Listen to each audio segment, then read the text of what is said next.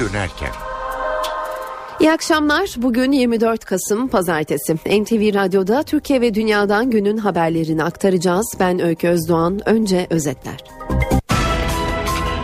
Yargıtay Başkanı Meclis Genel Kurulu'nda yarın görüşülmeye başlanacak olan yargı paketini eleştirdi. Yazılı açıklamada sert ifadeler kullanıldı. Neler söylendiğini başkentten Özden Erkuş aktaracak. Hükümet iç güvenlik paketi olarak adlandırılan düzenlemeyi meclise sevk etti. Paketin neler öngördüğüne bakacağız. Cumhurbaşkanı Recep Tayyip Erdoğan kadın ve adalet zirvesinde konuştu. Kadın ve erkeği eşit konuma getiremezsiniz. Doğru olan kadın kadına eşitliktir dedi. Başbakan Ahmet Davutoğlu öğretmenler gününde öğretmen adaylarına müjdeli haber verdi. Buna göre Ocak'ta 15 bin yeni öğretmen ataması yapılacak. Ülkesinin Suriye politikasının şekillenmesinde önemli rolü olan Amerikan Savunma Bakanı Chuck Hagel istifa etti. Günün gelişmelerinden öne çıkan başlıklar böyle. Şimdi ayrıntılar.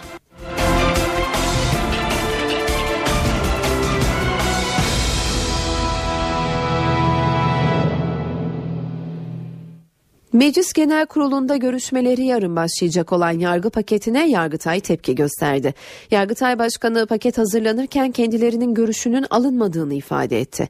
Yeni daireler kurulması, hakim ve savcıların kurumun onayı olmaksızın Yargıtay'a atanması ve adli yıl açılış töreninin kaldırılması eleştirilen noktalar oldu. Ayrıntıları NTV muhabiri Özden Erkuş aktaracak. Özden.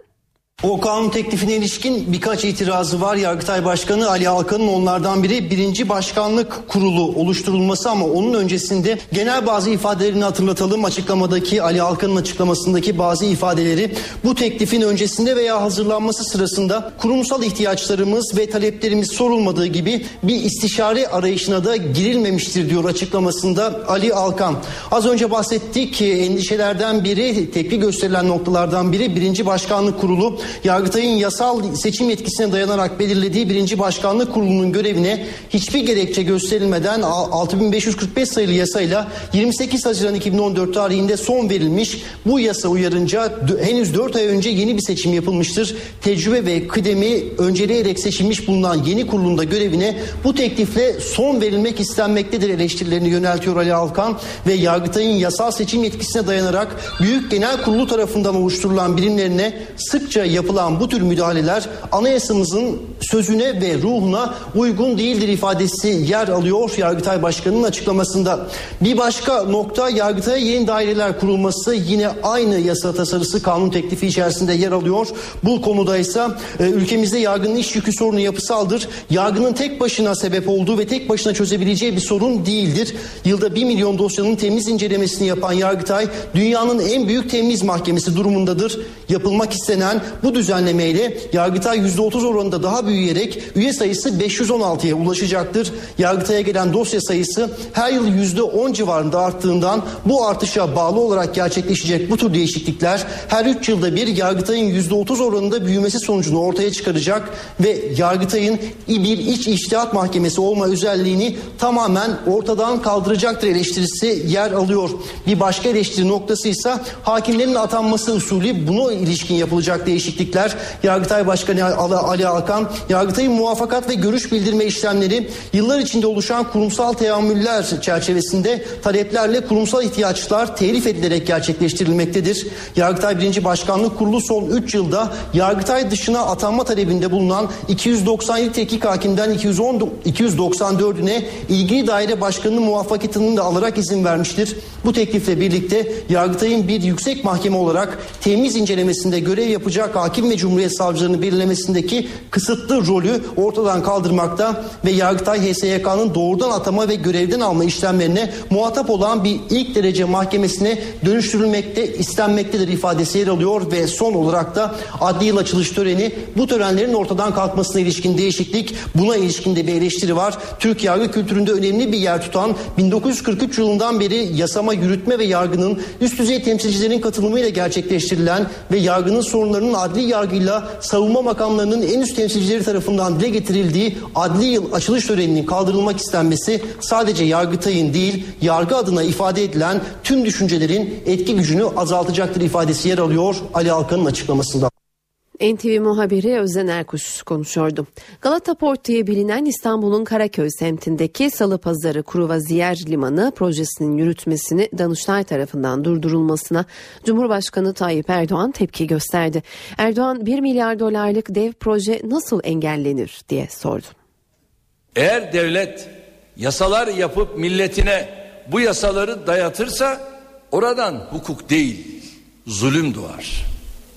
Bir örnek olsun diye veriyorum. Başbakanlığım döneminde biz meşhur Tophane'deki Galata Port'un ihalesini yaptık. İhale bitti. Ve kazananı belli. Hepsi belli. Ve bakın ihaleden sonra iki yıl neredeyse geçti. Şimdi bakıyorsunuz yargı karar veriyor yürütmeyi durdurma. Böyle bir anlayış olabilir mi? Şimdi bu yatırımcı projelerini yapmış, her şeyini yapmış. Milyonlarca dolar harcamış. E bu yatırımcı bu ülkede bu ülkenin yönetimlerine güvenip de bundan sonra yatırım yapabilir mi? E şimdi ben ülkemde bu yargıya nasıl güveneceğim? Nasıl inanacağım? Cumhurbaşkanı ihaneti vataniye içerisinde olursa suçludur. Peki yargıç ihaneti vataniye içerisinde olursa necidir? Burası önemli. Bakın iki yıl geçiyor. Siz böyle bir kararı vermiyorsunuz. iki yıl sonra böyle bir kararı veriyorsunuz. Bu nedir? Bu vatanperverlik midir? Bu milliyetperverlik midir? Bunu konuşmak zorundayız. Bunu dertleşmek zorundayız. Böyle sürdüğü zaman, böyle gittiği zaman biz ülkemizi ayağa kaldıramayız, uçuramayız. Bir zamanlarda bir yargıç söylemişti ya, vicdanı ile cüzdanı arasında demişti. Herhalde böyle bir şey var burada da. Birileri cüzdanı bir yerde unutmuş. E, vicdan da olmayınca netice böyle doğuyor. Kobani eylemlerinin ardından hazırlanan ve iç güvenlik paketi olarak adlandırılan düzenleme meclise sunuldu. Tasarıyla Molotov kokteyli saldırı aracı kabul ediliyor, polisin arama yetkisi genişliyor ve jandarmanın atama sicil yetkileri doğrudan İçişleri Bakanlığı'na bağlanıyor. İşte ayrıntılar. Molotov kokteyli ve sapan silah sayılacak. Bunları kullanana karşı polis silah kullanabilecek. İç güvenlik paketi meclise sevk edildi. Eylemlere silah, taş, sopa, sapan, demir bilye, havai fişek, yakıcı, yaralayıcı maddelerle katılana 2,5 yılla 4 yıl arası hapis cezası verilebilecek. Düzenleme ile eylemlerde maske takanlara, silah, molotov kokteyli ve benzeri patlayıcı maddeler bulunduranlara verilen cezalar artırılacak belli suçlarda kolluk kuvvetlerine savcı kararı olmadan 24 saate kadar gözaltı yetkisi verilecek. Toplu suçlarda 48 saate kadar uzatılabilecek. Kişilerin üstü, eşyaları ve araçları kolluk amirinin emriyle aranabilecek. Arama emri 24 saat içinde hakim olayına sunulacak. Tasarının yasalaşmasıyla polis kolejleri de kapatılacak. Öğrenciler Milli Eğitim Bakanlığı'na bağlı denge okullara aktarılacak. Güvenlik Birimleri Fakültesi ise Polis Amir Eğitim Merkezi'ne dönüştürülecek. Düzenleme ile polis akademilerindeki personelin görevine son verilecek. Ve jandarma. Düzenleme ile jandarma idari işlerde tamamen İçişleri Bakanlığı'na bağlanacak. Jandarma Genel Komutanlığındaki general rütbesinde olmayan daire başkanlarıyla il ve ilçe jandarma komutanlarını İçişleri Bakanı atayacak. Sahi Güvenlik Komutanlığı içinde aynı düzenlemeler getirildi. Emniyetin Teşkilat Kanunu da değiştiriliyor. İkinci sınıf emniyet müdürleri bundan sonra ilçe emniyet müdürü olarak görevlendirilebilecek. 5 yıl içinde bir üst rütbeye terfi edemeyen emniyet amirleriyle 4. 3. ve 2. sınıf emniyet müdürleri emekli edilecek. 1. sınıf emniyet müdürleri için ise bu süre 6 yıl olarak belirlendi. 6 yıl terfi alamayan 1. sınıf emniyet müdürleri İçişleri Bakanı'nın onayıyla emekli edilebilecek. Emniyet personeli ise yaş engeli olmadan emekli edilebilecek. İç güvenlik paketinde asayişin sağlanmasıyla ilgili notlar böyleydi. Düzenlemede gündelik yaşamı ilgilendiren hükümler de bulunuyor. Tasarı yasalaşırsa doğum, evlenme, boşanma bildirimleri nüfus müdürlüklerine gitmeden yapılabilecek. İsim ve soyadı mahkemeye gitmeden tek bir dilekçeyle değiştirilebilecek. Nüfus örneği ikametgah e-devlet üzerinden verilebilecek. Ehliyet ve pasaport artık emniyetten alınmayacak. Düzenlemeyle mağdur vatandaşlar artık kendi istekleri dışında karakola gitmeyecek etmeyecek. Hırsızlık, kapkaç ve gasp gibi suçlardan mağdur olan vatandaşların ifade işlemleri polis merkezlerine gitmeden olay yerinde alınacak. Şimdiki durağımız başkent olacak. Bakanlar Kurulu iki haftadır aranın ardından toplandı.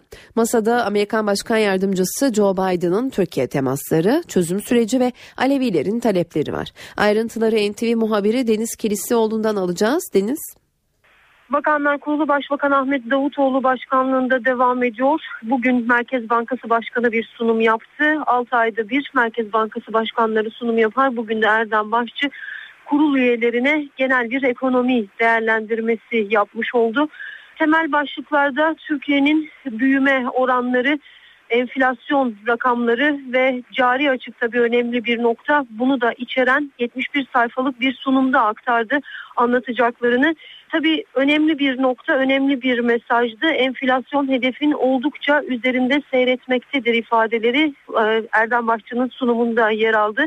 Döviz kuru geçişkenliği enflasyonun temel belirleyicisi olduğu için e, enflasyonun hedefin üzerinde seyrettiğini ifade etti Erdem Başçı. Gıda fiyatlarındaki artışa da vurgu yaptı. Enflasyon görünümdeki iyileşmeyi geciktirmektedir dedi. Kuraklığın tabi gıda fiyatları üzerindeki olumsuz etkisine de vurgu yaptı ama başta petrol fiyatları olmak üzere düşen emtia fiyatlarının önümüzdeki yıl için enflasyonda öngörülen düşüş sürecini desteklemesi beklenmektedir ifadelerini kullandı. Yaptığı sunum genel itibariyle bu başlıkları içeriyordu. Tabii ekonomi başlığının yanı sıra Bakanlar Kurulu'nun gündeminde önemli e, noktalarda var, önemli başlıklarda var. Onlardan bir tanesi çözüm süreci. Çözüm süreciyle ilgili olarak bir süredir Öcalan için bir sekreterya kurulması, bir izleme kurulu oluşturulması ve İmralı'ya gidecek heyetin genişletilmesi gibi başlıklar e, değerlendiriliyordu. Bu başlıklar ve üstünler üzerindeki çalışmalar e, tabii ele alınıyordu. E, Bakanlar Kurulu'nun gündeminde de yine çözüm süreci başlığı altında bu konuların genel bir değerlendirmesi yapılması bekleniyor. Tabii Kandil'den gelen silah bırakma iradesi bizde açıklamaları var. Bir diğer taraftan HDP'nin hasta mahkumların serbest bırakılması ile ilgili talepleri de vardı. Adalet Bakanı yasal bir düzenleme üzerine çalıştıklarını söylemişti. Başbakan Ahmet Davutoğlu da Irak'ta bu konuyla ilgili bilgi alacağım açıklaması yapmıştı. Dolayısıyla bu konuda atım, atılacak adımlar da masada olacak. Tabii hatırlayacaksınız Başbakan Ahmet Davutoğlu Irak'taydı. Önce Bağdat sonra Erbil'i ziyaret etmişti. Sonrasında da Amerika'nın iki numaralı ismiyle İstanbul'da görüşmüştü. Biden ziyareti sonrası da ve Irak ziyaretinin sonrası genel olarak Irak ve Suriye konuları ele alınacak. Türkiye'nin koalisyona nasıl katkı vereceği de yine Bakanlar Kurulu'nun gündeminde. E, Tunceli pazar günü Ahmet Davutoğlu'nun ziyaret ettiği bir ildi. E, orada Alevi açılımı ile ilgili görüşlerini paylaştı. Bununla ilgili olarak Alevi açılımından ne gibi adımlar atılabilir? Yine, yine bu da kurulun gündeminde saat 14.30'da başladı. Bakanlar Kurulu halen de devam ediyor. Sonrasında bir açıklama olacak mı bu soru işareti. Zira Bülent Arınç hükümet sözcüsü kronik laranjit olduğu için bir açıklama gelmeyebilir ya da bir açıklama yapılacaksa eğer buna henüz karar verilmedi. Ee, belki başka bir isimle kameraların karşısına geçebilir. NTV muhabiri Deniz Kilislioğlu Bakanlar Kurulu toplantısının ayrıntılarını aktarıyordu. Cumhurbaşkanı Recep Tayyip Erdoğan İstanbul'da düzenlenen Kadın ve Adalet Zirvesi'nde kadın erkek eşitliği konusuna değindi. Erdoğan kadınla erkeği eşitliği fıtrata ters, doğru olan kadının adalet karşısındaki eşitliğidir dedi. Kadın ile erkeği eşit konuma getiremezsiniz. O fıtrata terstir. İş hayatında hamile bir kadını erkek ile aynı şartlara tabi tutamazsınız. Örneğin çocuğunu emzirmek zorunda olan bir anneyi bu tür yükümlülükleri olmayan bir erkek ile eşit konuma getiremezsiniz. Kadın kadına eşitlik doğru olandır. Erkek erkeğe eşitlik doğru olandır. Ancak kadının özellikle adalet karşısındaki eşitliği asıl olandır. Kadınların ihtiyacı olan eşitlikten ziyade eşdeğer olabilmektir. Yani adalettir. CHP lideri Kemal Kılıçdaroğlu'nun kayınvalidesi Fatma Özdağ Tunceli'de toprağa verildi. Acı gününde CHP liderini dostları ve partililer yalnız bırakmadı. Cumhurbaşkanı Erdoğan da Kılıçdaroğlu telefonla arayıp başsağlığı diledi. CHP lideri Kemal Kılıçdaroğlu Tunceli'de kayınvalidesinin cenaze törenine katıldı. 87 yaşındaki Fatma Özdağ için cemevinde tören yapıldı. Kocaeli'de kalp ve solunum yetmezliğinden vefat eden Fatma Özdağ'ın cenazesi sabah Nazimiye ilçesine getirildi. CHP Genel Başkanı Kemal Kılıçdaroğlu eşi Selvi Kılıçdaroğlu ile birlikte Tunceli'ye gitti. Nazimiye cemevindeki törene CHP'li yöneticiler de katıldı. Cenaze namazını Alevi dedesi Kadir Bulut kıldırdı. Fatma Özdağ törenin ardından Ayranlı köyündeki aile mezarlığında toprağa verildi. E, acılı bir gün bir şey söylemek istemiyorum. Allah rahmet eylesin. Görevimizi yapıyoruz ona karşı. Kılıçdaroğlu ailesi Nazımiye ilçesindeki baba evinde tazileri kabul etti. Cumhurbaşkanı Recep Tayyip Erdoğan da CHP liderini telefonla arayarak başsağlığı diledi. NTV Radyo Bugün 24 Kasım Öğretmenler Günü. Bu özel günde başkentten öğretmen adaylarını ilgilendiren önemli bir haber geldi. Başbakan Ahmet Davutoğlu Ocak ayında 15 bin yeni öğretmen ataması yapılacağını duyurdu. Hangi branştan kaç kişi alınacağı daha sonra belli olacak. Eminim birçok öğretmen adayımızı mutlu edecek bir haberde sizlerle paylaşmak istiyorum.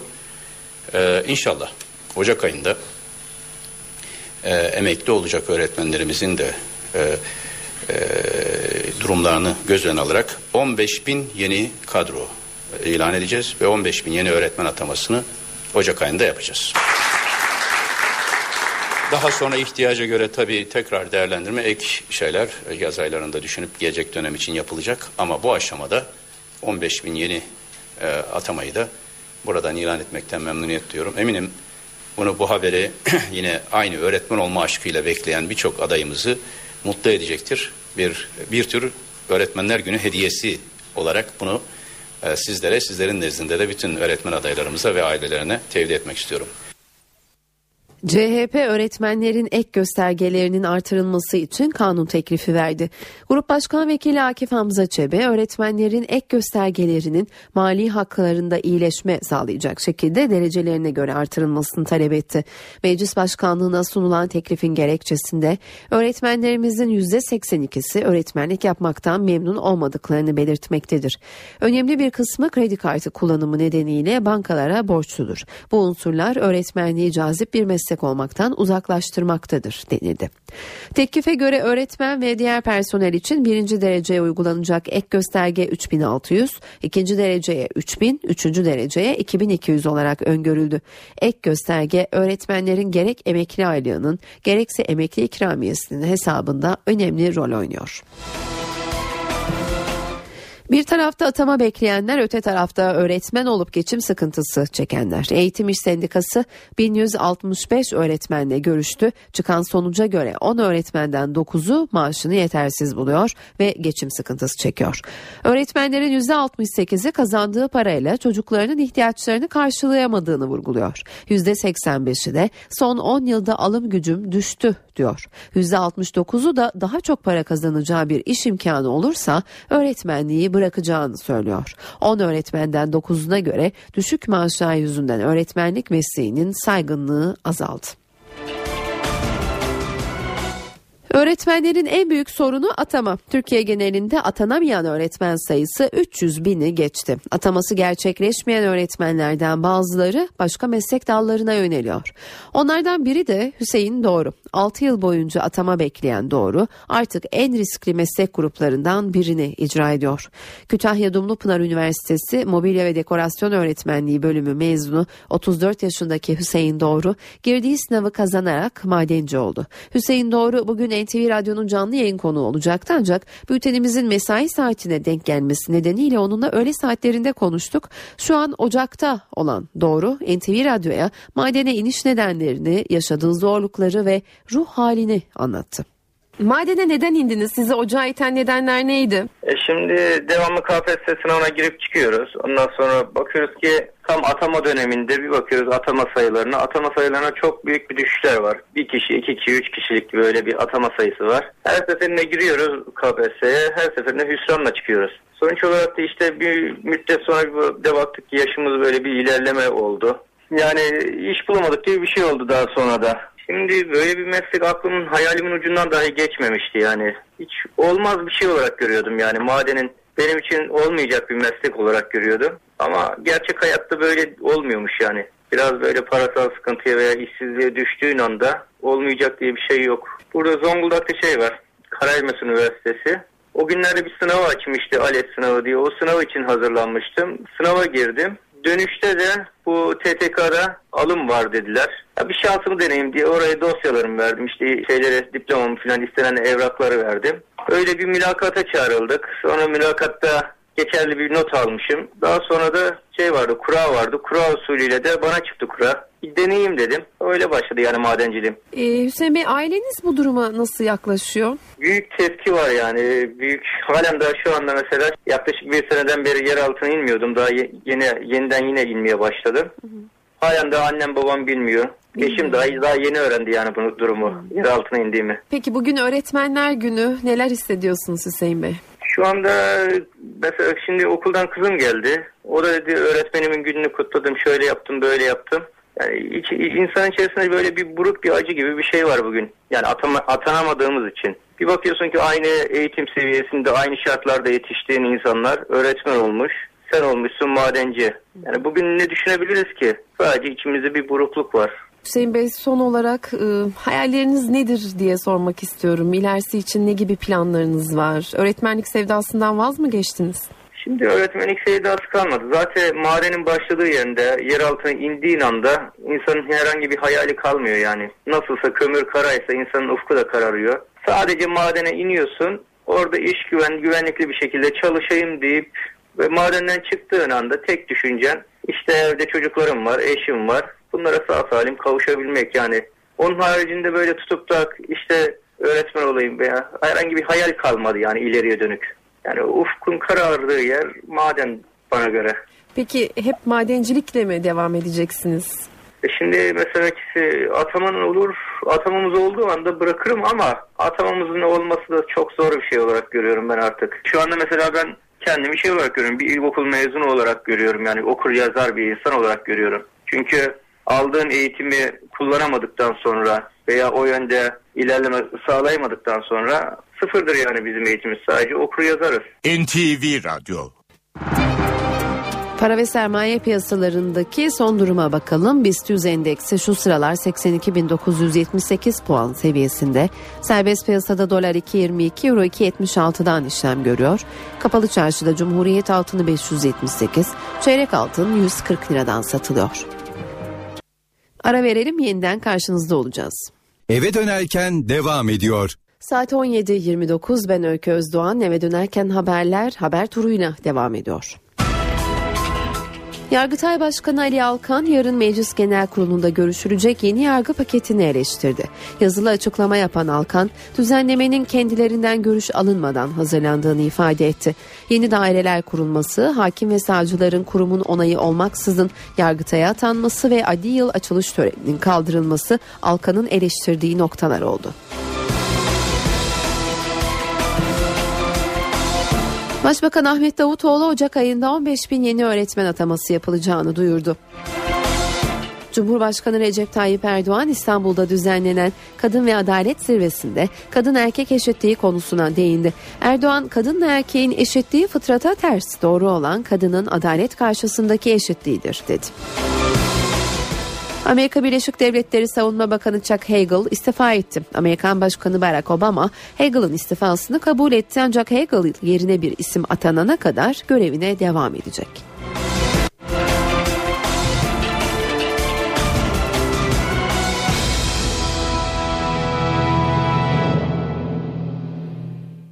Ergenekon davasının savcısı Danıştay saldırısının azmettiricisi olmakla suçlanan Osman Yıldırım arıyor. Ancak davanın hem gizli tanığı hem de sanığı olan Yıldırım sırra kadem bastı. Yegane vazifem de 2. Osmanlı İmparatorluğu'nu kurmaktır. Ben de Cumhuriyeti başındayım. Savcılık Ergenekon davasında kumpas iddiasını araştırmaya başladı. Gizli tanıkların yeniden ifadesini almak istedi. Ancak davanın kilit ismi 9 numaralı gizli tanığı Osman Yıldırım'a ulaşılamadı. Yıldırım kayıplara karıştı. Osman Yıldırım'ın bulunamaması gayet normal. Ee, Osman Yıldırım ve onun gibi birkaç şahsiyet üzerine kurulu bir davaydı zaten bu. Osman Yıldırım'ın ifadeleri Ergenekon davasının seyrini değiştirdi. Yıldırım'ın Danıştay cinayetini ve Cumhuriyet Gazetesi saldırısını Ergenekon'un talimatıyla gerçekleştirdik ifadesi üzerine her iki soruşturma Ergenekon davasına dahil edilmişti. Ergenekon davasının sanık avukatlarından Salim Şen, Osman Yıldırım'ın neden kilit isim olduğunu anlattı. Pat diye Danıştay e, cinayeti, Cumhuriyet Gazetesi'ne yapılan bombalı saldırılar birdenbire Ergenekon davasının içerisine gömüldü ve bu Ergenekon davasının sanıkları bu eylemlerin failleri durumuna getirildi. Osman Yıldırım üzerinden yapılan bir operasyondu bu. Osman Yıldırım Ergenekon davasının hem gizli tanığı hem de sanığıydı. 8 yıl 9 ay hapis cezası aldı. Süreç içinde tahliye edildi ve tanı koruma programına alındı. İddialara göre tanınmamak için bir dizi estetik ameliyat oldu. Savcının talebi üzerine İzmir ve Antalya'daki adreslere giden polisler Osman Yıldırım'ı bulamadı. 8 yıl 9 ay hapse mahkum edildi ama e, tahliye edildi. Bu o kadar açık bir kurgu, o kadar açık bir kumpasın e, ortaya çıkmış şeklidir ki bunu biz zaten baştan beri biliyor, bunu her zaman da söylüyorduk. Osman Yıldırım'ın tanı koruma programındaki kayıtlarının da kaybolduğu ne sürülüyor. İstanbul'da 24 yaşında bir genç Göztepe Araştırma Hastanesi'ne gitti. Pratisyen hekimim dedi. Acil servise kabul edildi. İddiaya göre reçete yazıp hasta da taburcu etti. Yani doktor gibi çalıştı. Hastane dışına çıkıyorsunuz beyefendi. Hastane dışında bekleme yapıyorsunuz. Güvenlik şimdi kuş uçurtmuyor. Habercileri hastaneye yaklaştırmıyor ama acil serviste sahte bir doktor çalıştı. 24 yaşındaki bir genç kendisini doktor olarak tanıttı. İstanbul Göztepe Eğitim ve Araştırma Hastanesi'nde görev yaptı. Hastalar şaşkın. Ay vallahi bu geçen akşam esmer, bıyıklı, biraz iri yarı. Sizin boylarda falan var hemen hemen. Sahte doktormuş. Yazıklar olsun ya. Daha önce tıbbi atık merkezinde çalıştığı öne sürülen Ali Aktan Yılman, pratisyen hekim olduğunu söyleyerek hastaneye başvurdu. Tıpta uzmanlık sınavında acil bölümünü tercih edeceğini söyledi. Hastaneye gözlemci olarak kabul edildi ancak iddiaya göre doktor gibi çalıştı. Saatte olduğumu bilsem yapışırım zaten. Ne diyordu doktorum mu diyordu? Doktordu ya giriyordu giriyordu muayene ediyordu ediyordu. Arabasını getiriyordu ben arabasını yıkıyordum ben bunun. Sahte doktor acil servis günlerinde bol bol fotoğraf çekti. O resimleri ekip nöbetten çıkarken en şirin hastamız başlıklarıyla sosyal medyada paylaştı. Sahte doktorun foyası TUS yani tıpta uzmanlık sınavı açıklanınca ortaya çıktı. Hiçbir listede ismi yoktu. Acil serviste çalışan doktorlar mesai arkadaşları hakkında bir araştırma yaptı ve yalan söylediğini ortaya çıkardı. Sahte doktordan o günden beri haber alınamıyor. Sağlık Bakanlığı konuyla ilgili soruşturma başlattı. Ancak sahte doktorun hekimlik faaliyetinde bulunmadığı belirtildi. Medula diğer adıyla reçete onay sisteminde yaşanan aksaklık nedeniyle ilaç erişiminde sıkıntı yaşanıyor. Türk Eczacılar Birliği'nden yapılan yazılı açıklamaya göre Medula provizyon sisteminde yaklaşık bir haftadır yaşanan teknik arıza nedeniyle hastalar ilaca ulaşmak için ya uzun süre eczanelerde bekliyor ya da ilaca hiç ulaşamıyor. Acil hastalarsa ilaçların ücretini kendi karşılamak zorunda kalıyor. Birliğin iddiasına göre 7 gündür ağır aksak çalışan sistem şu an tamamen çökmüş durumda. Sosyal Güvenlik Kurumu ise iddiaları reddediyor. SGK yetkilileri sigorta bildirimlerinin son günü olduğu için sistemde yoğunluk yaşandığını ancak durma noktasına gelmediğini belirtiyor. Ara verelim yeniden karşınızda olacağız. Eve dönerken devam ediyor. Eve dönerken haberlerde sırada spor var. Sözü Volkan Küçü'ye bırakıyoruz. Spor haberleri başlıyor.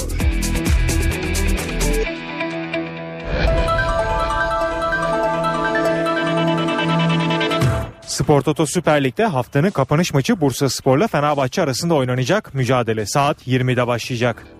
Spor Toto Süper Lig'de maç eksiğiyle ikinci sırada yer alan Fenerbahçe 10. hafta karşılaşmasında bugün Bursa Spor'a konuk olacak. Bursa Atatürk Stadındaki mücadele saat 20'de başlayacak. Karşılaşmayı hakem Fırat Aydınus yönetecek. Fenerbahçe'de sakatlıkları bulunan Egemen Korkmaz, Mehmet Topuz ve Serdar Kesimal forma giyemeyecek. Teknik direktör İsmail Kartal hafta içi yapılan antrenmanlarda takımla çalışmaya başlayan Gökhan Gönül ve Emre Belezoğlu'nu Bursa'ya götürdü. Ev sahibi Bursa Spor'da ise eksik yok. iki takımın sahaya şu 11'lerle çıkması bekleniyor. Bursa Spor, kalede Harun, savunmada Şener, Sivelli, Serdar, Aziz, orta sahada Belushi, Ozan, en uçta Fernandao, arkasında Volkan, Josue Bakambu. Fenerbahçe, kalede Volkan, geri dörtlüde Gökhan Bekir Kaddet Caner, savunmanın önünde Meireles Mehmet Topal, kanatlarda Kayt Alper, en uçta Emenike, forvet arkasında Diego veya Emre. Karşılaşma öncesi ev sahibi Bursa Spor'un 14, Fenerbahçe'nin ise 19 puanı var. Galatasaray Başkan Yardımcısı Abdurrahim Albayrak, Teknik Direktör Cesare Prandelli'nin takımdaki geleceğiyle ilgili sorularını yanıtladı. Albayrak Galatasaraylı oyunculara da sert mesajlar gönderdi. Elini değil çellesini taşın altına koydu. Bize Galatasaray Kulübü Başkan Yardımcısı Abdurrahim Albayrak eleştiri oklarının hedefindeki teknik direktör Cesare Prandelli ile ilgili çarpıcı açıklamalar yaptı. Sky Türk 360'da yayınlanan Telegol programına konuşan Albayrak, şu şartlarda Prandelli'nin arkasında durmam zor ifadelerini kullandı. İtalyan teknik adamın sözleşmesinde ağır maddeler olduğunu dile getiren Abdurrahim Albayrak, Galatasaray taraftarı yerden göğe kadar haklı. İçim kan ağlıyor. Eski yönetim Prandelli'ye gerçekleştirilemeyecek sözler vermiş. Vaat edilenler inanılmaz.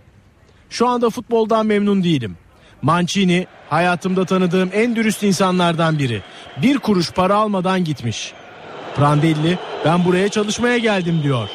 Bize Ocak ayına kadar zaman verin diye konuştu. Abdurrahim Albayrak sarı kırmızılı futbolculara da sert mesajlar gönderdi. Devre arasında kadroda ciddi azalmaya gideceklerini ifade eden Albayrak, takıma giremeyen oyuncuları satacağız. Yapacağımız tasarrufla 1-2 oyuncu alacağız. Yıldız futbolcu satmayacağız ancak kadroda çok ciddi bir değişiklik olacak dedi. Abdurrahim Albayrak Wesley Sneijder'ın Trabzonspor maçında yedek kalmasıyla ilgili görüşlerini de paylaştı. İlk 11'i gördüğünde şaşkınlık yaşadığını dile getiren Galatasaray Başkan Yardımcısı Albayrak, Ali Dürüst'e bu kadroyla bu maçı alamayız dedim. Biz kadroya karışamayız. Taraftarlarımızın hepsinden özür diliyorum. Çünkü onlar Sneijder oynayacak diye kaliteli futbol için kombine alıyor. Galatasaray'da Sneijder'ı bilerek küstürmeye çalıştığımızı söyleyen yönetici varsa derhal istifa etsin. Kendisiyle konuştuk. Sneijder'la sözleşme uzatacağız ifadelerini kullandı. Beşiktaş'ın Senegalli forveti Dembaba gollerine devam ediyor. Başarılı oyuncu siyah beyazlı formayla 12. golüne ulaştı. Beşiktaş'ın bu sezon başında Chelsea'den transfer ettiği Dembaba, siyah beyazlı formayla çıktığı 15. maçında 12. golünü attı. Kasımpaşa maçında attığı 2 golle Süper Lig'deki gol sayısını 5'e çıkaran Senegalli futbolcu, Avrupa Kupası maçlarında da 7 gol kaydetmişti. Takımı adına ilk golü penaltıdan atan Dembaba bu sezonki 3. penaltı vuruşunu da gole çevirmiş oldu. Senegalli oyuncu ayrıca 15 maçta attığı 12 golle Beşiktaş'ın eski golcüsü Hugo Almeida'nın geçen sezonki performansına şimdiden çok yaklaştı. Portekizli oyuncu geçen sezon oynadığı 33 resmi maçta 15 gol kaydetmişti. Dembaba 3 gol daha atması durumunda Almeida'nın bir sezonda attığı gol sayısına kısa sürede ulaşmış olacak. Galatasaray'ı deplasmanda 3-0 yenen Trabzonspor'da büyük sevinç yaşanıyor. Yerel medya galibiyeti mimarı olarak teknik direktör Ersun Yanal'ı gösterdi. Galatasaray'ı deplasmanda 3-0 gibi net bir skorla deviren Trabzonspor'da büyük sevinç yaşanıyor.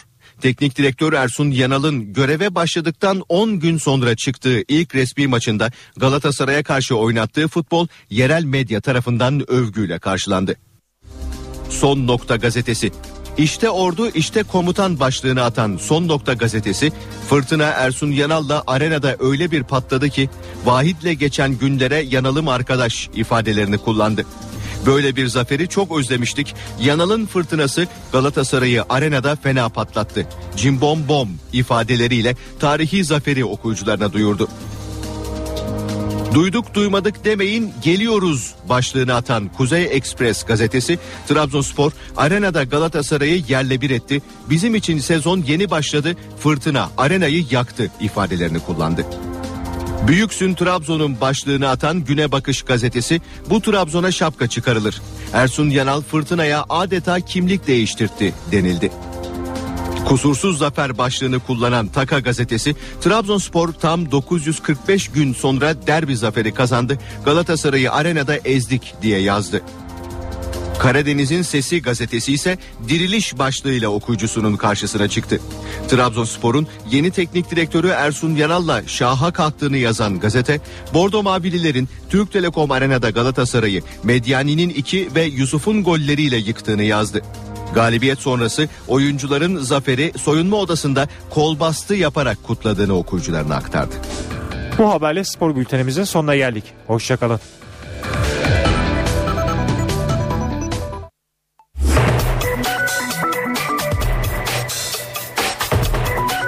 Burası NTV Radyo. Saat 18.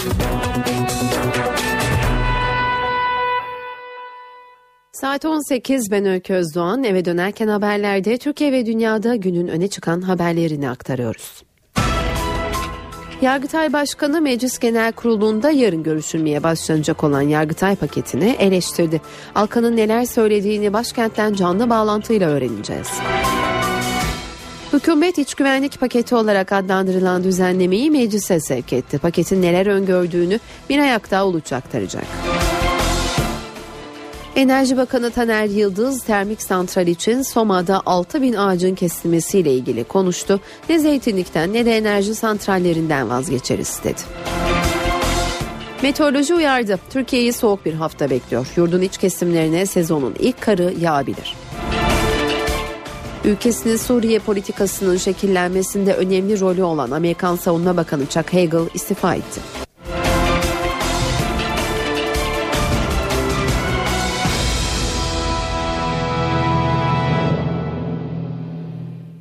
Yargıtay Başkanı Ali Alkan yarın Meclis Genel Kurulu'nda görüşülmeye başlanacak olan yeni yargı paketini eleştirdi. Alkan önce yazılı açıklama yaptı. Ardından gazetecilerin sorularını yanıtladı. Alkan'ın neler söylediğini NTV muhabiri Deniz Kilislioğlu'ndan alacağız. Deniz. Aslında yazılı açıklamasını tekrar eder nitelikteydi ama bazı e, dikkat çeken ifadeleri de oldu. 4 ay kadar önce bir düzenleme yapılmıştı dedi. İç işleyişle ilgili olarak yargıya hangi alanlarda müdahale edildiğini düşünüyorsunuz diye sorduk aslında Ali Alkan'a. O da iç işleyişle ilgili bazı itirazları olduğunu ifade etti. Bir örnek verdi. Genel sekreterin özellikleri bu yargının iç işleyişidir dedi. Kimse buna müdahale edemez diye konuştu. E, yasal düzenlemeyle buna müdahale edildi dedi. Aslında bir anlamda genel sekreterin e, kim olacağı, onun kendisinin hangi kişiyle çalışmak isteyeceği, hangi prensiplerde çalışmak isteyeceğinin bir anlamda kendi kararı ve Yargıtay'ın iç işleyişi olduğunun mesajını verdi. Ali Alkan dairelerin nasıl oluşacağı konusunda da bir itirazı vardı. E, yön verici bir düzenleme yapıldı dedi Yargıtay Başkanı. Çünkü bu düzenleme dairelerin nasıl oluşacağını belirtiyor dedi. E, bunun yön verici bir düzenleme olduğunu bu sebeple de e, anayasaya aykırılık teşkil ettiğini ifade etti ki soru böyle gelmişti. Bir de tabii adli yıl açılış törenlerinin olmaması, orada konuşmaların yapılmaması ile ilgili olarak bir eleştirisi vardı. Biz e, o gün yargının sorunlarını devlet ricalinin yüzüne ifade ederiz dedi. Doğrudan bu sorunları iletme imkanımız olurdu bu konuşmalarla dedi. Bundan mahrum kalıyoruz diye konuştu e, ve yasal düzenleme çıktıktan sonra da Yargıtay olarak tavrımızı belirleyeceğiz dedi. Belki de en önemli ifadelerinden bir tanesi buydu. Yasal düzenleme sonrası özellikle bu adli yıl açılış törenlerinde yapılacak konuşmalara ilişkin ki nasıl olacak bunu bilmiyoruz ama tavrını ona göre belirleyecek Yargıtay yasal düzenlemeden sonra Ali Alkan'ın açıklamalarından bunu anlıyoruz. NTV muhabiri Deniz Kilislioğlu Yargıtay Başkanı Ali Alkan'ın açıklamalarının ayrıntılarını aktardı.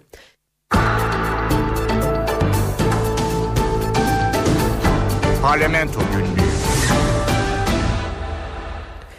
İç güvenlik paketi olarak adlandırılan düzenleme meclise sevk edildi. Tasarıyla Molotov kokteyli saldırı aracı kabul ediliyor. Jandarmanın atama sicil yetkileri doğrudan İçişleri Bakanlığı'na bağlanıyor. Düzenleme ayrıca gündelik yaşamı kolaylaştıracak birçok hükmü de barındırıyor. Ayrıntıları parlamento günlüğünde NTV muhabiri Miray Aktağ Uluç anlatacak. Miray?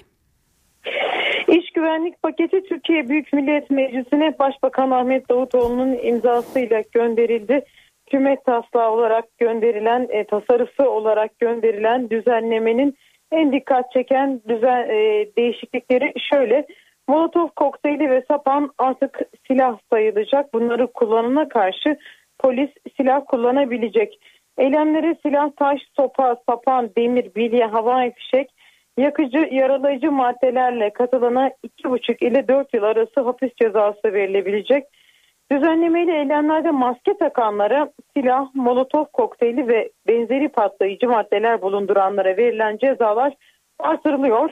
Belirli suçlarda kolluk kuvvetlerine savcı kararı olmadan 24 saate kadar gözaltı yetkisi verilecek. Toplu suçlarda ise bu 48 saate kadar uzatılabilecek. Kişilerin üstü, eşyaları ve araçları kolluk amirinin emriyle artık aranabilecek. Bu dikkat çeken düzenlemelerden biri. E, kolluk amirlerine verilen yetkilerden biri. Tasarının yasalaşmasıyla polis kolejleri de kapatılıyor. Öğrenciler Milli Eğitim Bakanlığı'na bağlı denge okullara aktarılacak. Güvenlik Birimleri Fakültesi ise Polis Amir Eğitim Merkezi'ne dönüştürülüyor. Düzenlemeyle polis akademilerindeki personelin görevine de son verilecek.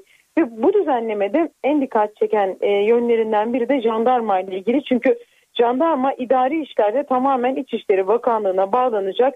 Jandarma Genel Komita Komutanlığındaki general rütbesinde olmayan daire başkanlarıyla il ve ilçe jandarma komutanlarını İçişleri Bakanı atayacak. Sahil Güvenlik Komutanlığı için de aynı düzenlemeler yine yer alıyor. Onu da belirtelim. Emniyetin teşkilat kanunu da değiştiriliyor. Tabii bu düzenlemeyle ikinci sınıf emniyet müdürleri bundan sonra ilçe emniyet müdürü olarak görevlendirilebilecek. 5 yıl içinde bir üst rütbeye terfi edemeyen emniyet amirleriyle 4. 3. ve 2. sınıf emniyet müdürleri emekli edilecek.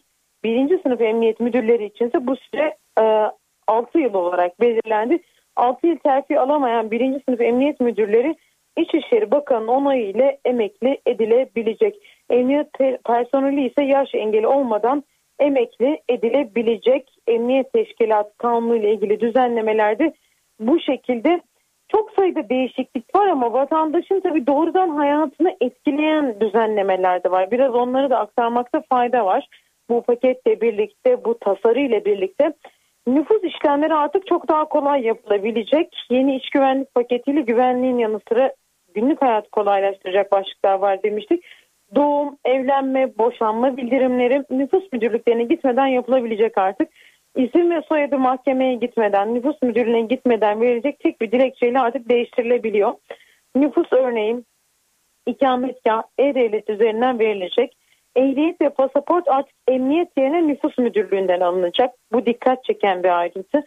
Düzenlemeyle mağdur vatandaşlar artık kendi istekleri dışında karakola gitmeyecekler. Hırsızlık, kapkaç ve gasp gibi suçlardan mağdur olan vatandaşların ifade işlemleri ise polis merkezlerine gitmeden olay yerinde alınacak. İş güvenlik paketinin başka getirdiği değişiklikler arasında şu da var. Araç kiralama sisteminde artık değişikliğe gidiliyor. Araç kiralayan şirketler aracı kiralayan kişilerin kimlik bilgileri ve araç bilgilerini günü gününe e, tutacaklar ve bu bilgiler e, artık doğrudan polisle irtibatlı olacak. Kiralık araçlara uydu yer belirleme sistemi takmak zorunlu hale getirilecek ve kolluk e, kuvvetleri bu bilgileri istedikleri an inceleyebilecekler. Gerçeğe aykırı kayıt tutan firmalara da ceza getiriyor. Bu cezanın da 5 bin lira olduğu belirtiliyor. Ahmet Davutoğlu'nun imzasıyla Türkiye Büyük Millet Meclisi'ne gönderilen tasarının ayrıntıları bunlar. Meclisteki görüşmelerinin çok kısa bir süre içerisinde başlamasını bekliyoruz. Çünkü bütçe görüşmelerine kadar hükümet bunu yasalaştırmayı planlıyor gibi görünüyor. O yüzden e, hem komisyon aşamasının hem de Meclis Genel Kurulu'ndaki bu görüşme aşamasının da hızlı bir şekilde tamamlama niyetinde olduğunu söyleyebiliriz iktidar partisinin. Peki Miray bugün meclise askerlik ve Türk Silahlı Kuvvetleri İç Hizmet kanunlarında değişiklik öngören kanun tasarısı da sevk edildi. O tasarı neler öngörüyor?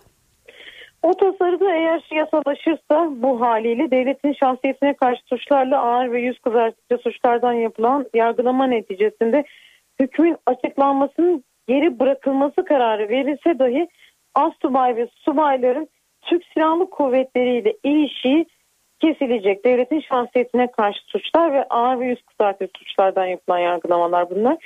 Tabi tasarıyla daha önce oluşturulan Genelkurmay Yüksek Disiplin Kurulu üyelerinin sayısı da artırılıyor.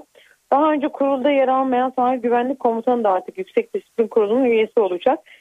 Ee, sözleşmeli erlerin disiplin hükümlerinde de değişikliğe gidiyor bu düzenlemeyle. Son bir yıl içinde toplamda 30 gün e, ve daha fazla oda hapsi veya toplam 8 defa disiplin cezası alan erbaş ve erlerin sözleşmesi feshedilecek. Sözleşmeli er ve erbaşlar her yıl 30 gün yıllık izni olacak. Bu izin dışında ana baba eş çocuk kardeş ölümleri halinde sözleşmeli erlere 10 gün daha izin verilebilecek. E, tasarı ve askerlik çağı yeniden tanımlanıyor. Bu dikkat çeken bir ayrıntı. Askerlik çağı her erkeğin 20 yaşına girdiği yılın Ocak ayından başlayacak. 41 yaşına kadar girdiği yılın Ocak ayında son bulacak.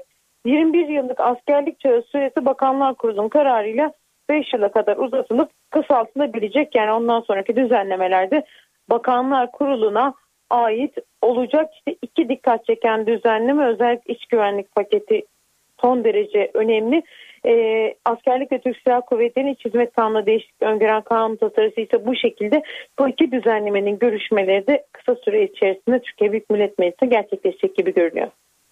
Peki teşekkürler Miray. NTV muhabiri Miray Aktaoluç parlamento günlüğünde bizimleydi.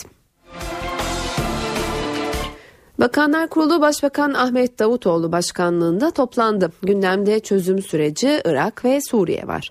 Toplantıda çözüm sürecinde HDP'nin İmralı heyetinin genişletilmesi, izleme heyetinin oluşturulması ve Öcalan için bir sekreterya kurulması başlıklarının masaya yatırılması bekleniyor. HDP'nin hasta, tutuklu ve hükümlerin serbest bırakılması yönündeki talebi de gündemde olacak. Başbakan Davutoğlu Irak ziyareti ve Amerikan Başkan Yardımcısı Biden'la yaptığı görüşme konusu konusunda kurulu bilgilendirmesi bekleniyor. Pazar günü Tunceli ziyareti sonrası Alevi açılımı çerçevesinde atılacak adımlar da kurul toplantısında gündeme gelebilir.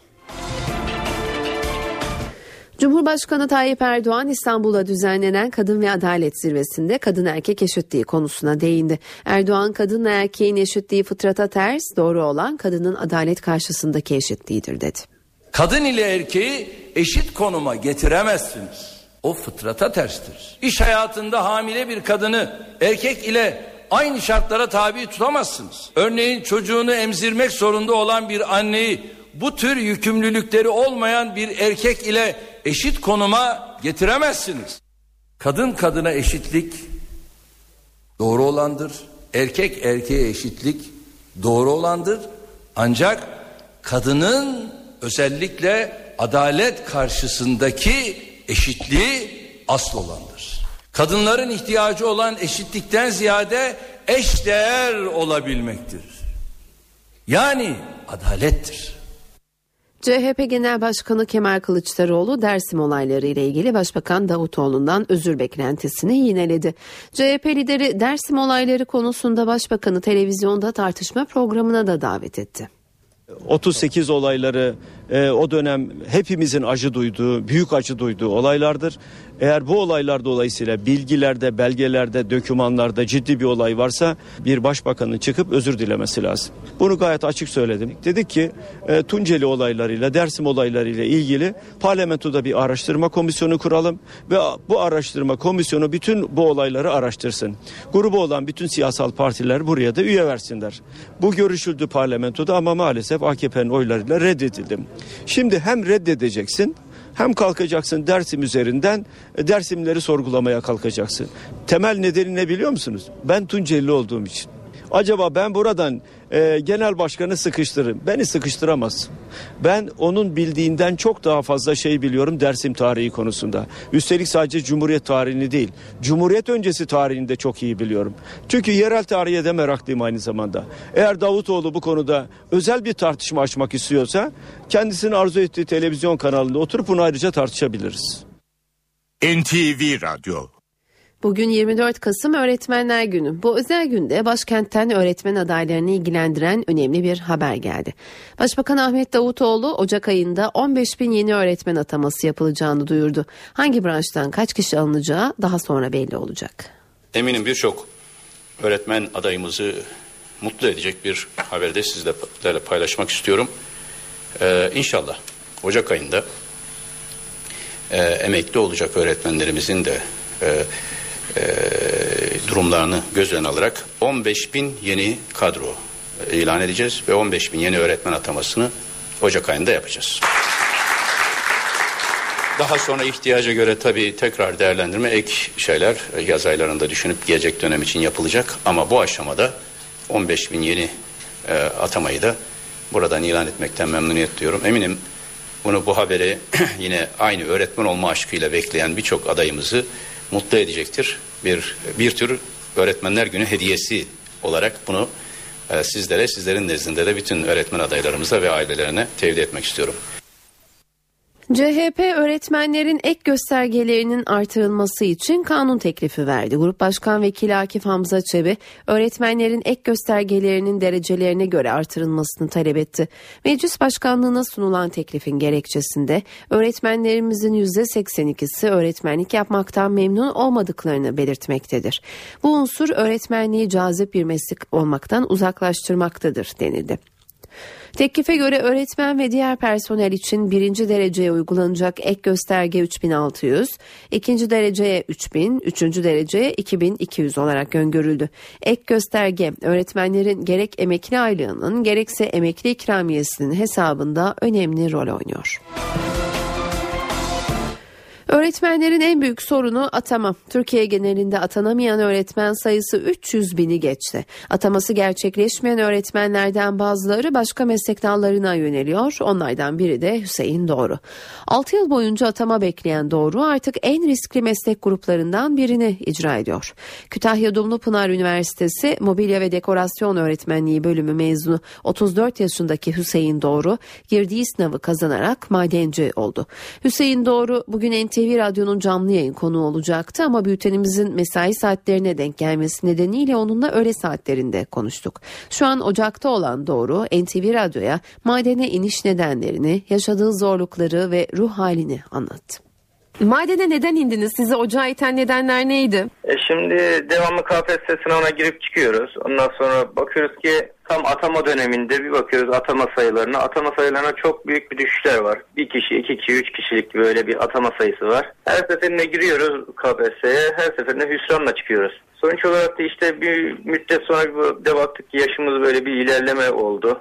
Yani iş bulamadık gibi bir şey oldu daha sonra da. Şimdi böyle bir meslek aklımın hayalimin ucundan dahi geçmemişti yani. Hiç olmaz bir şey olarak görüyordum yani madenin benim için olmayacak bir meslek olarak görüyordum. Ama gerçek hayatta böyle olmuyormuş yani. Biraz böyle parasal sıkıntıya veya işsizliğe düştüğün anda olmayacak diye bir şey yok. Burada Zonguldak'ta şey var. Karayelmes Üniversitesi.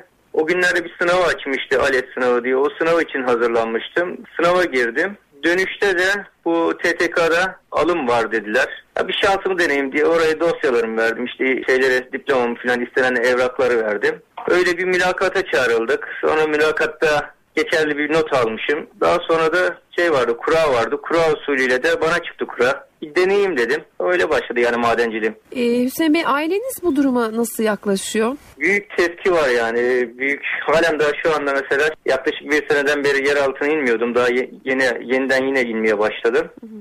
Halen daha annem babam bilmiyor. Eşim daha, daha yeni öğrendi yani bunu durumu. Yer altına indiğimi. Peki bugün öğretmenler günü neler hissediyorsunuz Hüseyin Bey? Şu anda mesela şimdi okuldan kızım geldi. O da dedi öğretmenimin gününü kutladım. Şöyle yaptım böyle yaptım. Yani iç, insan içerisinde böyle bir buruk bir acı gibi bir şey var bugün. Yani atama, atanamadığımız için. Bir bakıyorsun ki aynı eğitim seviyesinde aynı şartlarda yetiştiğin insanlar öğretmen olmuş. Sen olmuşsun madenci. Yani bugün ne düşünebiliriz ki? Sadece içimizde bir burukluk var.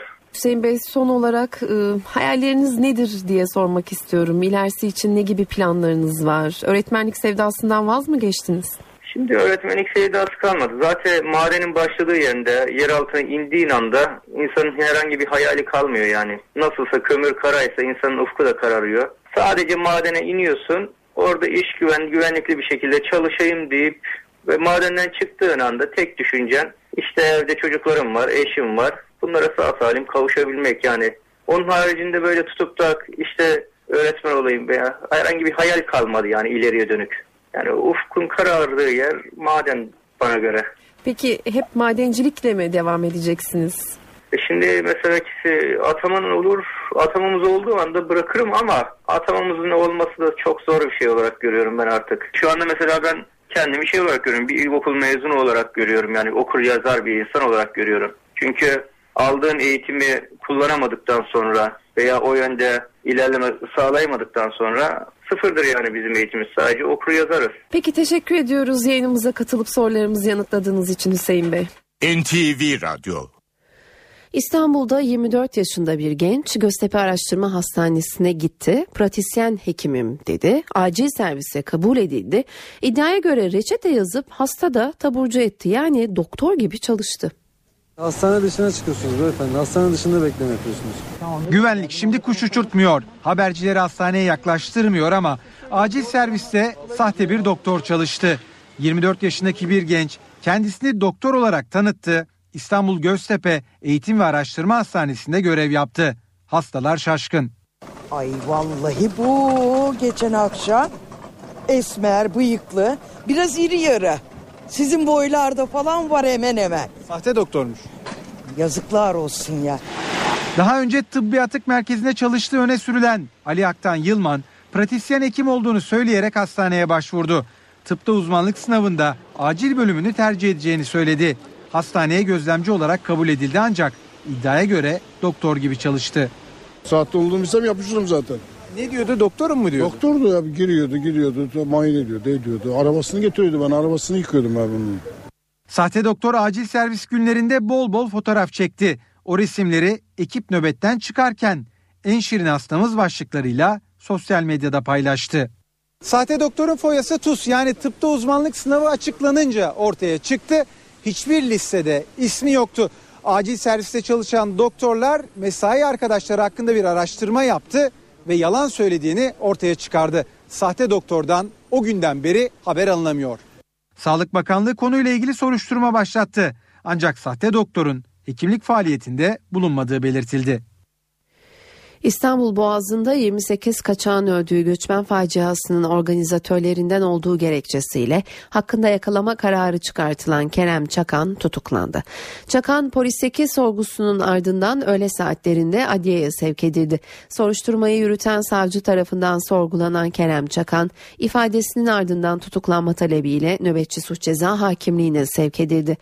Kerem Çakan insan kaçakçılığı ve taksirle ölüme neden olmak suçlarından tutuklanarak cezaevine gönderildi. Soruşturma kapsamında daha önce de iki kişi tutuklanmıştı. Galatasaray ile Kızıl Yıldız arasında oynanan Euroleague basketbol karşılaşması öncesi çıkan olayda kalbinden bıçaklanarak hayatını kaybeden Sırp taraftar Marko Ivkovic cinayetiyle ilgili soruşturmada bugün yeni bir gelişme yaşandı. Alsayiş Şube Müdürlüğü ekipleri olaya ilişkin 8 Galatasaray taraftarının bilgisine başvurdu. İfadeleri alınan taraftarlar daha sonra serbest bırakıldı. Para ve sermaye piyasalarının günü nasıl kapattığına bakalım. BIST 100 endeksi günü 83.252 puandan tamamladı. Serbest piyasada dolar 2.22, euro 2.76'dan işlem gördü. Kapalı çarşıda ise Cumhuriyet altını 578, çeyrek altın 140 liradan satıldı. Ara veriyoruz yeniden karşınızda olacağız. Eve dönerken devam ediyor. Saat 18.30 ben Öykü Özdoğan NTV Radyo'da eve dönerken haberler haber turuyla devam ediyor. Yargıtay Başkanı Ali Alkan yarın Meclis Genel Kurulu'nda görüşülecek olan yeni yargı paketini eleştirdi. Alkan düzenlemede yer alan Yargıtay düzenlemelerini yargıya müdahale olarak yorumladı. Tasarının hazırlık safhasında kendilerinden görüş alınmadığını belirtti. Başbakan Ahmet Davutoğlu Ocak ayında 15 bin yeni öğretmen ataması yapılacağını duyurdu. Sakarya Pamukova'da 41 kişinin hayatını kaybettiği tren kazası ile ilgili mahkeme kararını 10 yıl sonra açıkladı.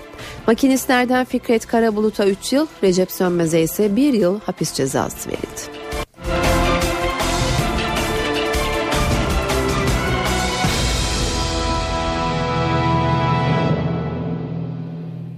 Soma'da 6 bin ağacın kesilmesinin ardından ilçeye yapılması planlanan termik santral tartışmalara yol açmıştı.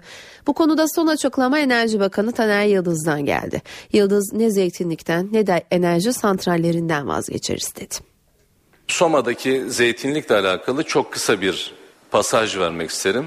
Bizler bütün bu çevre kaygılarını ve endişelerini taşıyor olmamıza rağmen bir gerçeği sizlerle beraber paylaşmak durumundayım. Biz ne zeytinlikten vazgeçeriz bu ülkenin idaresine konan irade olarak ne de enerji santrallarından vazgeçeriz. Bir doğruyu tercih etmek diğerinden vazgeçmek anlamına gelmiyor. Bunun çözümü son derece basit ve kolay. Bizim eksilttiğimiz her zeytin ağacını yerine 10 katını dikmek. Son 12 yılda hükümetlerimiz zamanında 92 milyon adetten almışız zeytin ağacını şu anda 170 milyon adet zeytin ağacı var ülkemizde. Uluslararası Para Fonu IMF Türk ekonomisini değerlendirdi. İcra Direktörleri Kurulu Türk ekonomisindeki dengesizliklerin riskleri artırarak büyüme potansiyelini sınırladığına dikkat çekti. Raporda Enflasyon oldukça yüksek seyrediyor denildi. En büyük riskin sermaye akışında yaşanacak ani bir değişiklik olacağına da işaret edilen IMF raporunda ulusal tasarrufların artırılmasının ve dış finansman bağımlılığının azaltılmasının önemi vurgulandı.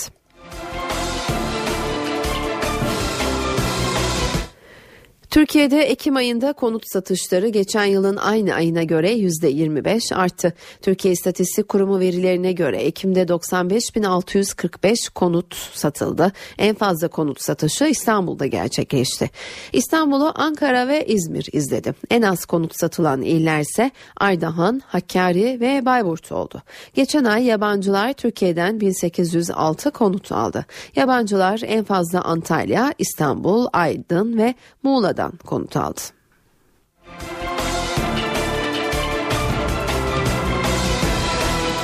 Katolik dünyasının ruhani lideri Papa Francis Cuma günü Türkiye'ye geliyor. Papa'nın yoğun bir programı olacak. Cumhurbaşkanı, Diyanet İşleri Başkanı ve Fener Rum Patriği ile görüşecek. Ziyaret öncesi Katolik Kilisesi Episkoposu Louis Pellatre, Papa'nın Türkiye programının ayrıntılarını basınla paylaştı. İlk kez Türkiye'yi ziyaret edecek olan Papa Francis'in ziyaretinin içeriği İstanbul'da düzenlenen bir basın toplantısıyla anlatıldı. Francis ziyaretine Ankara'dan başlayacak. Burada Cumhurbaşkanı Recep Tayyip Erdoğan'ın yanı sıra Diyanet İşleri Başkanı Mehmet Görmez'le bir araya gelecek. Bu buluşmalar sırasında kardeş kiliseler arasındaki diyalog çabalarını teşvik eden bir ortak açıklamanın yapılması da beklenmektedir. Papa Francis İstanbul'da Ayasofya Müzesi ve Sultanahmet Camii'ni gezecek, Şişli'deki Senespri Katolik Kilisesi'nde ayine katılacak. Papa'nın İstanbul temaslarındaki durakları arasında Fener Rum Patrikhanesi de bulunuyor. Papa ile Patrik Bartolomeo'nun buluşması 1054 yılında ayrılan Katolik Kilisesi ile Ortodoks Kilisesi arasındaki diyaloğun artması yönünde bir adım olacak kutsal bir neden için yoğun bir şekilde ve birlikte çalışmak istiyoruz. Papa Francis Hazretleri'nin Fener'de 29 Kasım günü Arife akşam öyküsü dualarına ve 30 Kasım günü kutsal ayine katılmasının sebebi budur. Papa Francis pazar günü Fener Rum Patrikhanesi'nde de bir ayine katılacak. Bartolomeo ve Francis Ortodoks ve Katolik diyalog çabaları üzerine ortak bir açıklama da yapacak. Amerika'da Yahudi lobisinin en etkili kuruluşlarından İftira ile Mücadele Birliği Edirne valisi Dursun Şahin'in restore edilen sinagogla ilgili açıklamasını kınadı. Birlik sinagogda ibadete izin verilmeyeceği yönündeki açıklamanın saldırgan ve tehdit edici olduğunu belirtti. Kuruluşun başkanı Edirne valisi Yahudilere karşı duyduğu nefreti gizlememiştir dedi. Vakıflar Genel Müdürlüğü'nün açıklamasındansa memnuniyet duyulduğu kaydedildi. İsrail'in Mescid-i Aksa'ya yönelik politika politikasını eleştiren Edirne valisi restore edilen sinagogun ibadethane değil müze olarak kullanılacağını söylemişti. Bu konudaki kararın kendi kurumlarına ait olduğunu vurgulayan Vakıflar Genel Müdürü Adnan Ertem ise tarihi Edirne sinagogunun ibadethane olarak hizmet vereceğini duyurmuştu. Ara veriyoruz yeniden karşınızda olacağız. Eve dönerken devam ediyor. Saat 18.40 ben Öykü Özdoğan eve dönerken haberlerde günün öne çıkan gelişmelerini aktarmayı sürdürüyoruz. Amerika Birleşik Devletleri Savunma Bakanı Chuck Hagel istifa etti. Amerikan Başkanı Barack Obama Hagel'ın istifasını kabul etti. Ancak Hagel yerine bir isim atanana kadar görevine devam edecek. Beyaz Saray yetkilileri Obama'nın savunma bakanıyla son iki haftada görüşmeler yaptığını ve ikilinin Hagel'ın istifası noktasında buluştuğunu kaydetti. 68 yaşındaki Hagel Obama Obama kabinesindeki tek cumhuriyetçi isimdi. Beyaz Saray yetkilileri IŞİD gibi tehditler karşısında Obama yönetiminin yeni stratejilere ihtiyaç duyduğunu, istifanın bu çerçevede değerlendirilmesi gerektiğini kaydediyor. Dünyanın gözü İran'la Batı arasında yürütülen nükleer müzakerelerde. Bugün o görüşmelerin yürütüldüğü Viyana'dan önemli bir haber geldi. Taraflar nükleer müzakerelerin 1 Temmuz 2015 tarihine kadar devam etmesi üzerinde mutabakata vardı. Birleşmiş Milletler Güvenlik Konseyi'nin 5 daimi üyesi Amerika, İngiltere, Fransa, Rusya ve Çin'le Almanya, Birleşmiş Milletler yaptırımlarının kaldırılması karşılığında İran'ın nükleer programını sınırlandırmasını istiyor. Tahransa nükleer silah üretme amacına sahip olduğu iddialarını reddediyor. Taraflar arasındaki görüşmelerde anlaşmaya varılması için konulan süre bugün sona eriyordu. Son gün toplantılarından müzakerelerin uzatılması kararı çıktı. Amerika'da polis oyun parkında elinde silah bulunan 12 yaşında bir çocuğu öldürdü. Olay sonrası çocuğun da elindeki silahın gerçek olmadığı ortaya çıktı. Haber ülkede büyük tepki yarattı. Olayla ilgili soruşturma başlatıldı. Zanlı polisler de görevden uzaklaştırıldı. Amerika Birleşik Devletleri şokta. Cleveland kentinde polis elinde silah olan 12 yaşındaki siyahi bir çocuğu vurarak öldürdü. Olay sonrası çocuğun elindeki silahın gerçek olmadığı anlaşılınca polis tepkilerin oda haline geldi. Zira polise ihbarı yapan kişinin parkta bir çocuğun silahla etraftakileri korkuttuğunu söylerken silahın gerçek olmayabileceğini dile getirdiği de ortaya çıktı. Cleveland Emniyeti ise polisin ihbarı yapan kişinin verdiği bu bilgiden habersiz olduğunu açıkladı. Emniyetin açıklamasında çocuğun polisin eller yukarı uyarısına uymadığı iddia edildi. Gencin belinde silah vardı. Silahı çıkarınca memurlar iki el ateş ederek genci vurdu. Açıklamada çocuğun polislere yönelik herhangi bir tehdidinin olmadığı ve silahını da doğrultmadığı kaydedildi. Aile ise Rice'ın arkadaşlarıyla oyun oynamak için parka gittiğini söyledi. Karnından yaralanan Tamir Rice adlı 12 yaşındaki çocuk kaldırıldığı hastanede hayatını kaybetti. Çocuğun silahının Airsoft olarak bilinen ve yarı otomatik bir tüfeğin taklidi olduğu ortaya çıktı. Olayla ilgili soruşturma başlatılırken polisler de görevden uzaklaştırıldı. Amerika Birleşik Devletleri'nde Ferguson kasabasında Ağustos ayında polisin siyahi bir genci vurarak öldürmesi günler süren eylemlerle protesto edilmişti. Olayların büyümesi üzerine kasabada sokağa çıkma yasağı ilan edilmişti. Amerikan güvenlik şirketi Symantec tüm zamanların en gelişmiş bilgisayar virüsünü tespit ettiğini duyurdu. Ragen adı verilen yeni casus virüsün büyük ihtimalle bir devlet tarafından yaratıldığı ve 6 yıl boyunca dünya genelinde belirlenen hedeflere karşı kullanıldığı belirtildi. Virüs bilgisayara yerleştirildiğinde ekran görüntüsünü çekebiliyor, şifreleri çalabiliyor ve silinen dosyaları yeniden yükleyebiliyor. Casus virüsün en çok en çok Rusya, Suudi Arabistan ve İrlanda Avrupa'daki devlet kurumlarını, şirketleri ve bireyleri hedef aldığı kaydediliyor. Kuzey Afrika ülkelerinden fazla etkili olan sağanak yağış sele neden oldu. 83 evi yerle bir eden selde 17 kişi hayatını kaybetti, 18 kişi kayboldu. Aşırı yağışlar sonucu Fas'ın güneyi ile kuzeyini birbirine bağlayan otoyol trafiğe kapandı. Arama kurtarma çalışmalarının havadan ve karadan devam ettiği sel bölgesinde mahsur kalan 200 kişinin tahliye edildiği bildirildi. Sırada günün kültür sanat etkinliklerinden seçtiklerimiz var. Gökhan Türkmen dinlenebilir bu akşam İstanbul'da. Sanatçı sevilen şarkılarını seslendireceği konserine saat 21'de başlıyor. Performans mekanı Jolly Joker İstanbul. Mara da İstanbul'da konser veriyor bugün. Mara akordeon, keman, melodika, ukulele gibi enstrümanlar kullanarak seslendirdikleri parçalarıyla Beyoğlu Hayal Kahvesi'nde müzikseverlerle buluşuyor. Performans başlama saati 22.30. Tiyatro severler için de önerilerimiz var. Testosteron sahneye konuyor bugün Trump Kültür ve Gösteri Merkezi'nde. Oyun atölyesinin sergilemiş olduğu testosteronda Orhan Aydın, Ruhi Sarı, Emre Altu, Gürkan Uygun, Bülent Şakrak gibi isimler rol alıyor. Oyun saat 20.30'da başlıyor.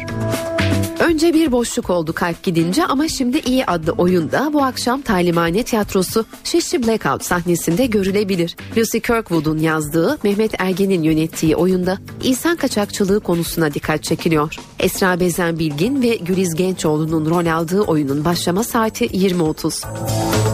Bu akşam evdeyseniz CNBC'de saat 22'de Mad Men, ardından da saat 23'te Hannibal ekrana gelecek. Star TV'de ise saat 20.30'da yerli dizi Reaksiyon, ardından saat 23.30'da Gözüm Üstünde ekranda olacak.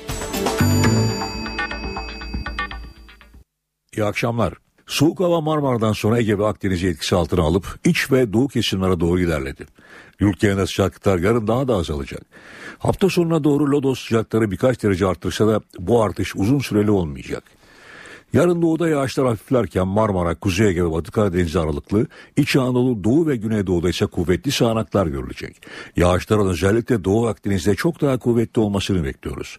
Doğu ve Güneydoğu'da daha kuvvetli olmak üzere Marmara, Karadeniz ve İç Anadolu'daki yağışlar çarşamba gününe devam edecek. Perşembe günü Marmara'nın güney ve doğusuyla Batı Karadeniz'de hafif yağışlar görülürken Doğu Karadeniz daha kuvvetli olmak üzere iç ve Doğu Anadolu'daki yağışlar devam edecek. Yağışların iç kesimlerde karla karışık yağmur yer yer yoğun olmak üzere kar şeklinde olmasını bekliyoruz. İstanbul'da iki gün daha yağış devam edecek. Poyraz oldukça sert. O nedenle hissedilen sıcaklık 7 derecenin altında olacak. Ankara'da yarın sıcaklık 5 derece. Bazı ilçelerde hafif sulu kar görülebilir. Gece ise sıcaklık 1 derecenin altına inecek. İzmir'de yarın hava açık ve soğuk. Rüzgar kuvvetli sıcaklık ise 9 derece hissedilecek. Hepinize iyi akşamlar diliyorum. Hoşçakalın. Saat 19 ben Öykü Özdoğan eve dönerken haberlerde günün öne çıkan haberlerinin özetlerine bakalım. Yargıtay Başkanı Ali Alkan yarın Meclis Genel Kurulu'nda görüşülecek olan yeni yargı paketini eleştirdi. Alkan düzenlemede yer alan Yargıtay düzenlemelerini yargıya müdahale olarak yorumladı. Tasarının hazırlık safhasında kendilerinden görüş alınmadığını belirtti. Kobanya eylemlerinin ardından hazırlanan ve iç güvenlik paketi olarak adlandırılan düzenleme meclis başkanlığına sunuldu. Yeni düzenleme ile Molotov kokteyli saldırı aracı kabul ediliyor. Jandarmanın atama sicil yetkileri doğrudan İçişleri Bakanlığı'na bağlanıyor. Özgür Suriye ordusunun eğit donat çalışmalarına yönelik görüşmeler tamamlandı. Bu kapsamda ÖSO Amerika tarafından silahlarla donatılacak. Türkiye, Kırşehir'de yılda 2000 askerin eğitimini üstlenecek. Dışişleri kaynaklarından alınan bilgiye göre eğitilecek isimler ÖSO tarafından önerilecek, Amerika ve Türkiye tarafından belirlenecek. Cumhurbaşkanı Tayyip Erdoğan kadın ve adalet zirvesinde konuştu. Kadın ve erkeği eşit konuma getiremezsiniz. Doğru olan kadın kadına eşitliktir dedi. Başbakan Ahmet Davutoğlu Ocak ayında 15 bin yeni öğretmen ataması yapılacağını duyurdu. Sakarya Pamukova'da 41 kişinin hayatını kaybettiği tren kazası ile ilgili mahkeme kararını 10 yıl sonra açıkladı. Makinistlerden Fikret Karabulut'a 3 yıl, Recep Sönmez'e ise 1 yıl hapis cezası verildi. Ülkesinin Suriye politikasının şekillenmesinde önemli rolü olan Amerikan Savunma Bakanı Chuck Hagel istifa etti.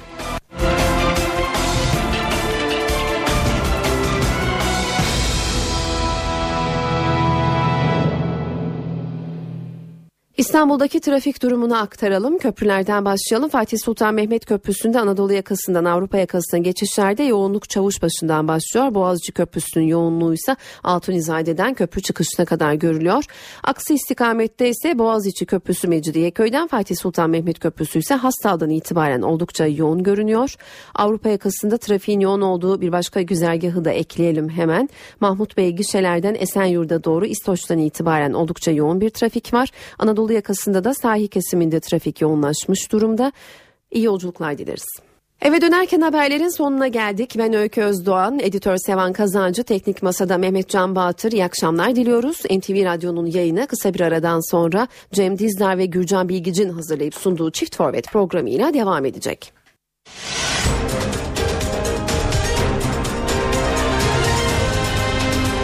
NTV Radyo, Türkiye'nin haber radyosu.